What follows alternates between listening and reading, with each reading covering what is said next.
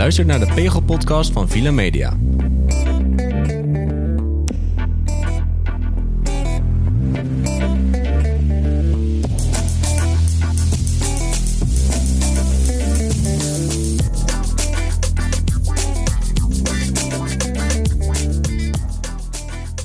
Hey Erwin, Ja, waar zitten we nu?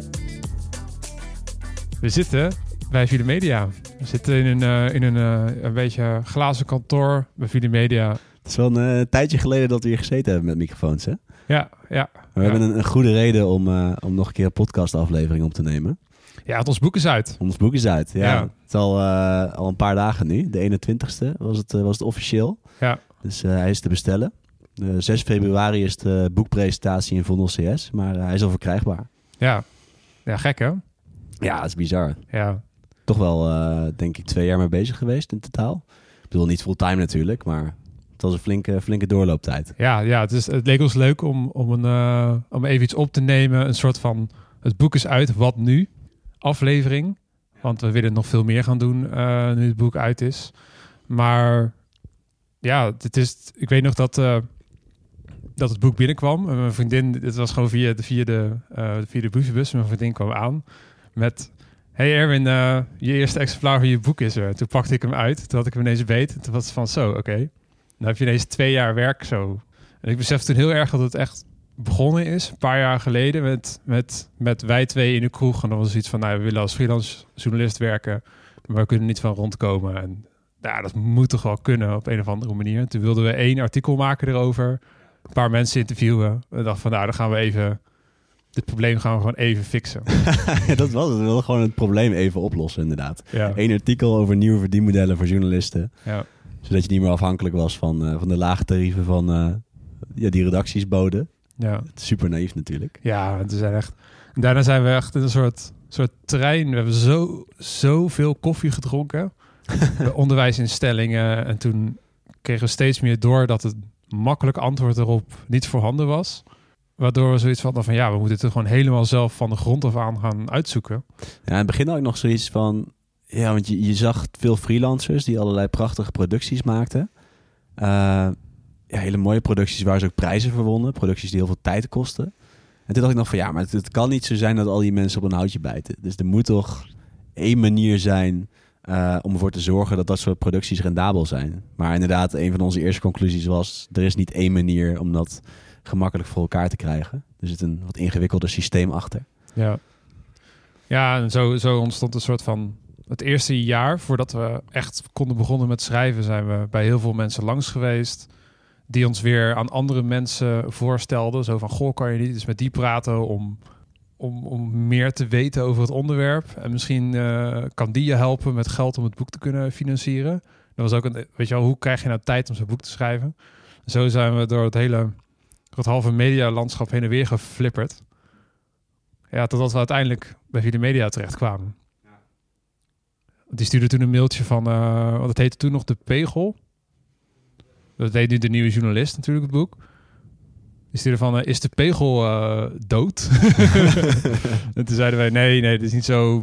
We zijn nog steeds op zoek naar een manier om, om diepgravend onderzoek te doen... naar hoe journalisten diepgravend onderzoek doen.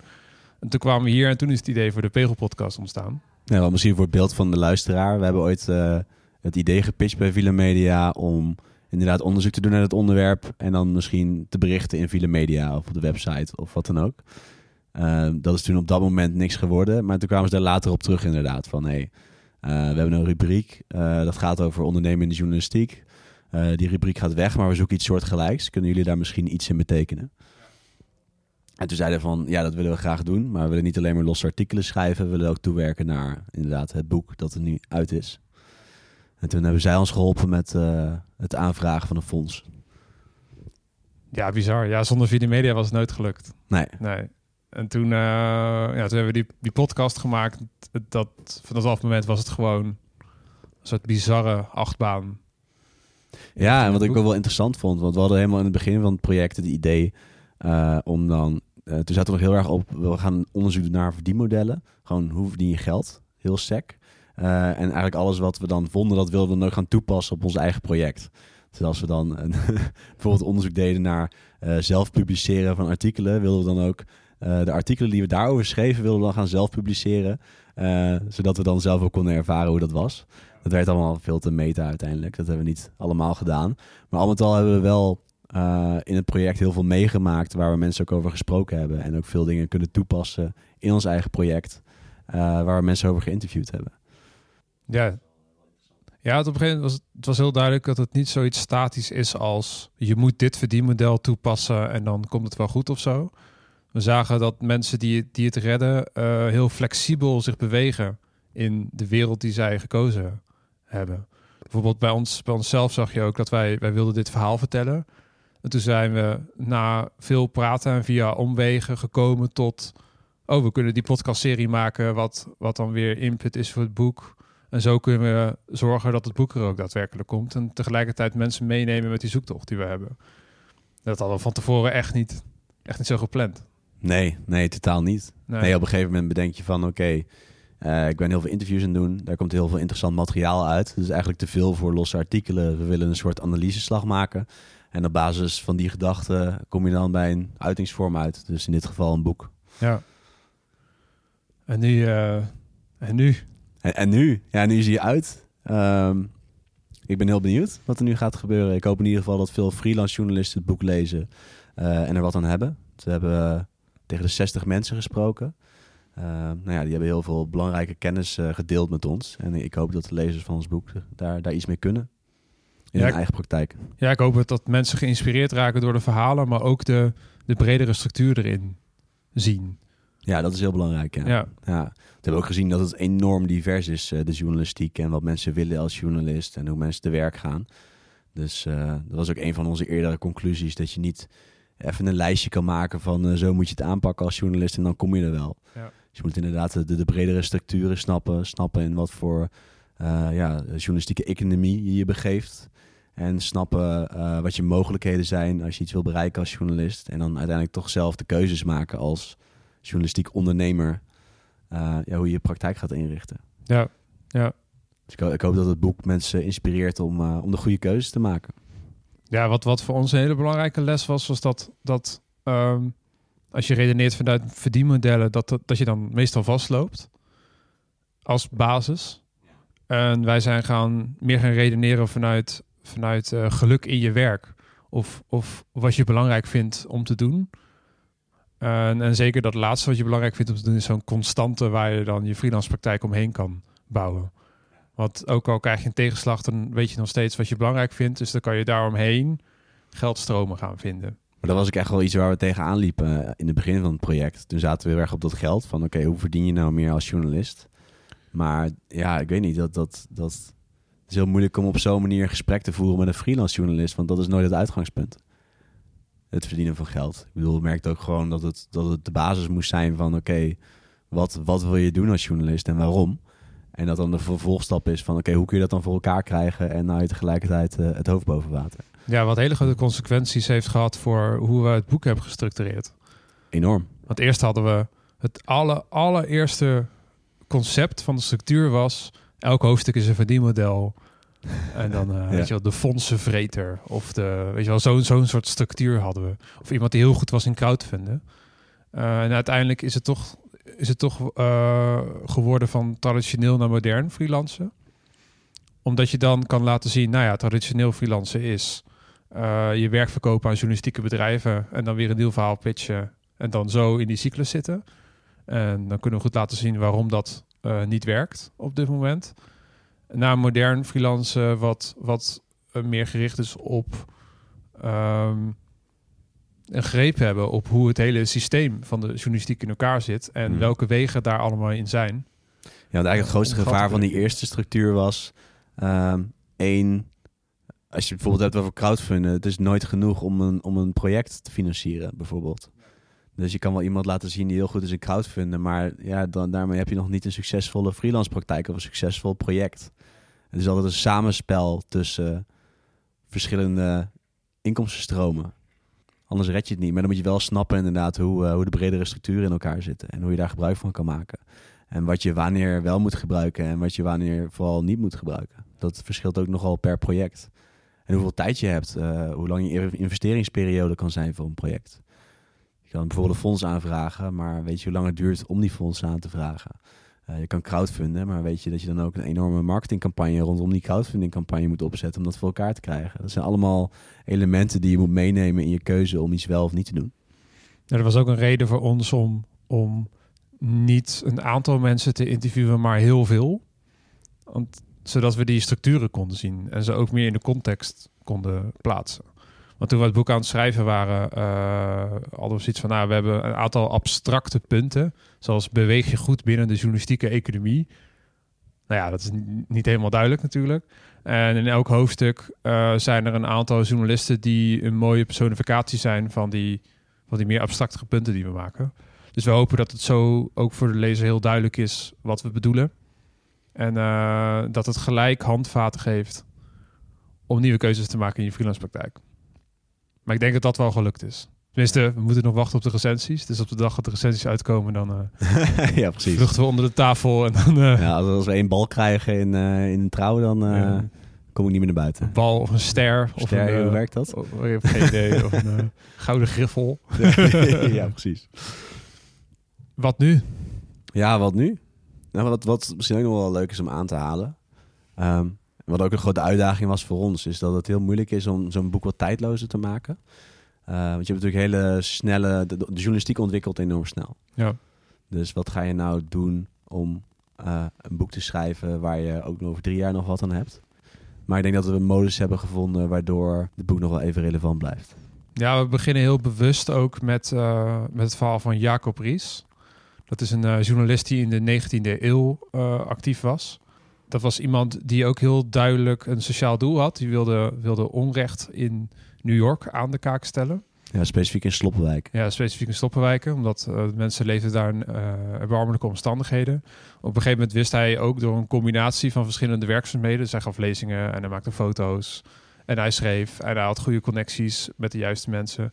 Wist iets voor elkaar te krijgen om de, de verhalen die hij belangrijk vindt, om die een podium te geven. En we beginnen het boek heel bewust met iemand die in een totaal andere journalistieke context opereerde dan nu. Uh, om te laten zien dat wat hij deed ook op nu toepasbaar is. Ja, want het gaat er niet om uh, dat je een bepaald trucje doet. Het gaat erom dat je je kan verhouden tot de context waarin je opereert. Ja. Dus in het boek schetsen we de context. We hebben nu natuurlijk geen tijd om die hele context te schetsen. Daarvoor nee, nee, precies, zou je maar meer, een boek ja. moeten lezen. Ja. Maar goed, of je nou in de 19e eeuw journalistiek bedrijft of nu, anno 2020.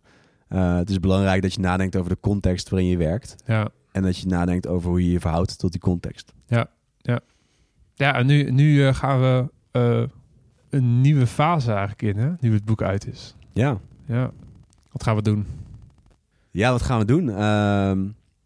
Is een beetje een gevalletje practice what you preach. In het boek laten we mensen zien die heel slim omgaan met, uh, met de informatie die ze hebben vergaard. En eigenlijk allerlei verschillende uitingsvormen gebruiken om die informatie uh, te verspreiden. Dat proberen we zelf ook, want we hebben het boek geschreven. Misschien zal niet iedereen het boek lezen, maar we willen bijvoorbeeld ook trainingen gaan geven. We gaan een training geven voor de NVA Academy. Uh, die heet ook De Nieuwe Journalist. In, in maart is de eerste, weet je uit je hoofd hoeveelste? 10 maart, dag, 10, van, dag van mijn verjaardag. Ah, kijk, dan zou ik het ook onthouden. Ja. 10 maart geven we onze eerste training bij de NVA Academy. Uh, in die training gaan we eigenlijk wat we in het boek schrijven, gaan we ja, toepassen op de freelance praktijken van mensen die uh, bij ons die training komen volgen. Dus dat ze kunnen leren hoe ze, hoe ze ruimte maken voor journalistiek die ze echt belangrijk vinden. En daar geld mee kunnen verdienen. Ja. En jij gaat een gastles geven, hè? Ja, binnenkort uh, mijn eerste gastles inderdaad op de Christelijke Hogeschool Ede.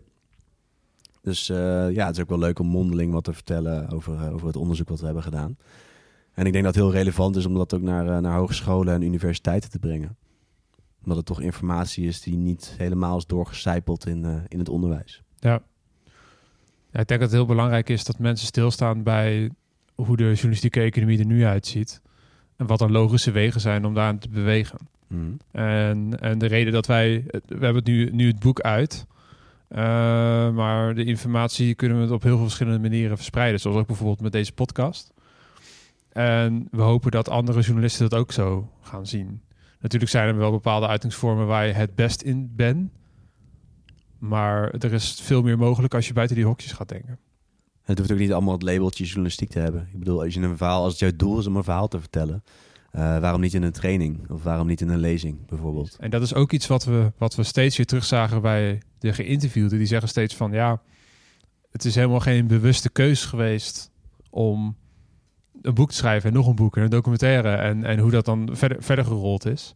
Maar op een gegeven moment, als je meerdere gesprekken hebt met dat soort mensen, dan kan je afpellen dat het, het was niet per se dat ze een, een soort meesterplan hadden, maar ze hadden wel een bepaald soort houding tegenover de situatie, waardoor ze snel konden schakelen. Ja, En dat, dat krijg je als je een open houding hebt naar wat, wat, voor jou, wat het verhaal is wat je wil vertellen. Wat de informatie is die je belangrijk vindt. ja. Er zijn allemaal mensen die gewoon weten wat ze belangrijk vinden en een bepaalde drive hebben om, om zich in een onderwerp te storten. Ja, en als je op een gegeven moment kom je gewoon bepaalde zaken tegen waar je iets mee wil. En dan ga je bedenken, hoe kan ik dat verhaal het beste vertellen? Ehm, en dan zijn er heel veel antwoorden mogelijk. Van, eh, van artikel tot lezing, tot eh, radiodocumentaire, tot games, interactieve documentaires. Nee, je kan het zo gek niet bedenken of je kan het als uitingsvorm gebruiken. En je hoeft het niet allemaal zelf te doen natuurlijk. We hebben ook veel mensen gesproken die onderdeel zijn van collectieven of vaak de samenwerking aangaan met, eh, met mensen uit andere disciplines. Dat is ook wel een, een, een goede kracht voor een freelance journalist. Goed kunnen samenwerken. Ja, je hoeft het niet alleen te doen. Nee. Ook een grote les die, die wij ook hebben geleerd. Maar ik wil ook nog een oproepje doen aan de, eh, de luisteraars. Want wij zijn natuurlijk heel benieuwd. Jullie gaan allemaal het boek kopen natuurlijk. Allemaal. Ga ik wel vanuit. Voel je vooral niet verplicht. maar we zijn heel benieuwd wat jullie ervan vinden. Dus mocht je het boek eh, kopen, het is eh, via alle boekwinkels te ver- verkrijgen. De Nieuwe Journalist heet de, het. de online boekwinkels. Online boekwinkels, ja. Ja, ze hebben vast wel een computer in de boekwinkel waar je het in kan tikken en daar kan bestellen. Maar ik zou het gewoon lekker vanuit je luie stoel eh, bestellen. Eh, ik ben heel benieuwd wat jullie ervan vinden. Dus, dus eh, mocht je het leuk vinden, dan kan je altijd een bericht sturen via Twitter. Er, Erwin VT Hof. En jij bent at Sjoerd Arends. En ja, we zijn heel benieuwd naar jullie reacties. Nee, ja, laat vooral weten wat je, wat je eraan hebt. Ja. En kom, kom 6 februari naar de boekpresentatie. Ja, want eh, daar moeten we ook nog iets over vertellen hoor. Over, over wat de boekpresentatie precies is. Ja, het is meer dan een boekpresentatie. Ja, ja, wat we gaan doen is... eh, we hebben een aantal hoofdrolspelers uit het boek. Dus, dus eh, sleutelfiguren uit hoofdstukken die hebben we uitgenodigd... om te vertellen hoe zij journalistiek maken die ze belangrijk vinden.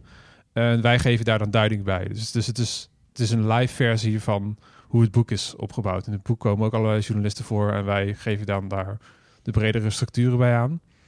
En wie hebben we uitgenodigd, Sjoerd?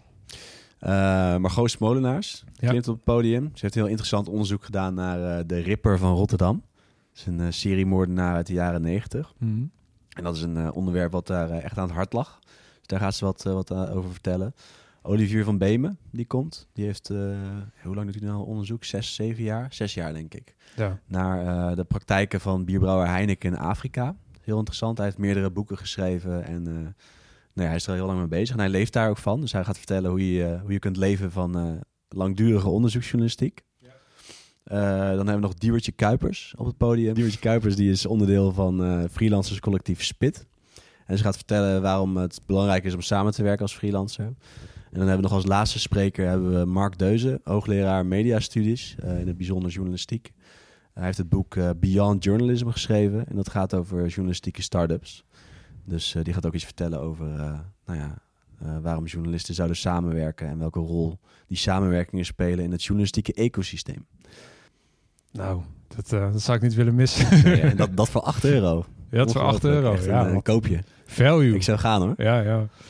Nou, je kan een kaartje kopen via eventbrite.nl. Die, de link ernaar staat ook in de show notes. En Eventbrite is event, B-R-I-T-E.nl. En dan kan je in het zoekscherm gewoon zoeken naar de nieuwe journalist. En dan vind je het wel. Nou, ik hoop jullie allemaal eh, te zien. En ik kijk uit naar reacties op het boek.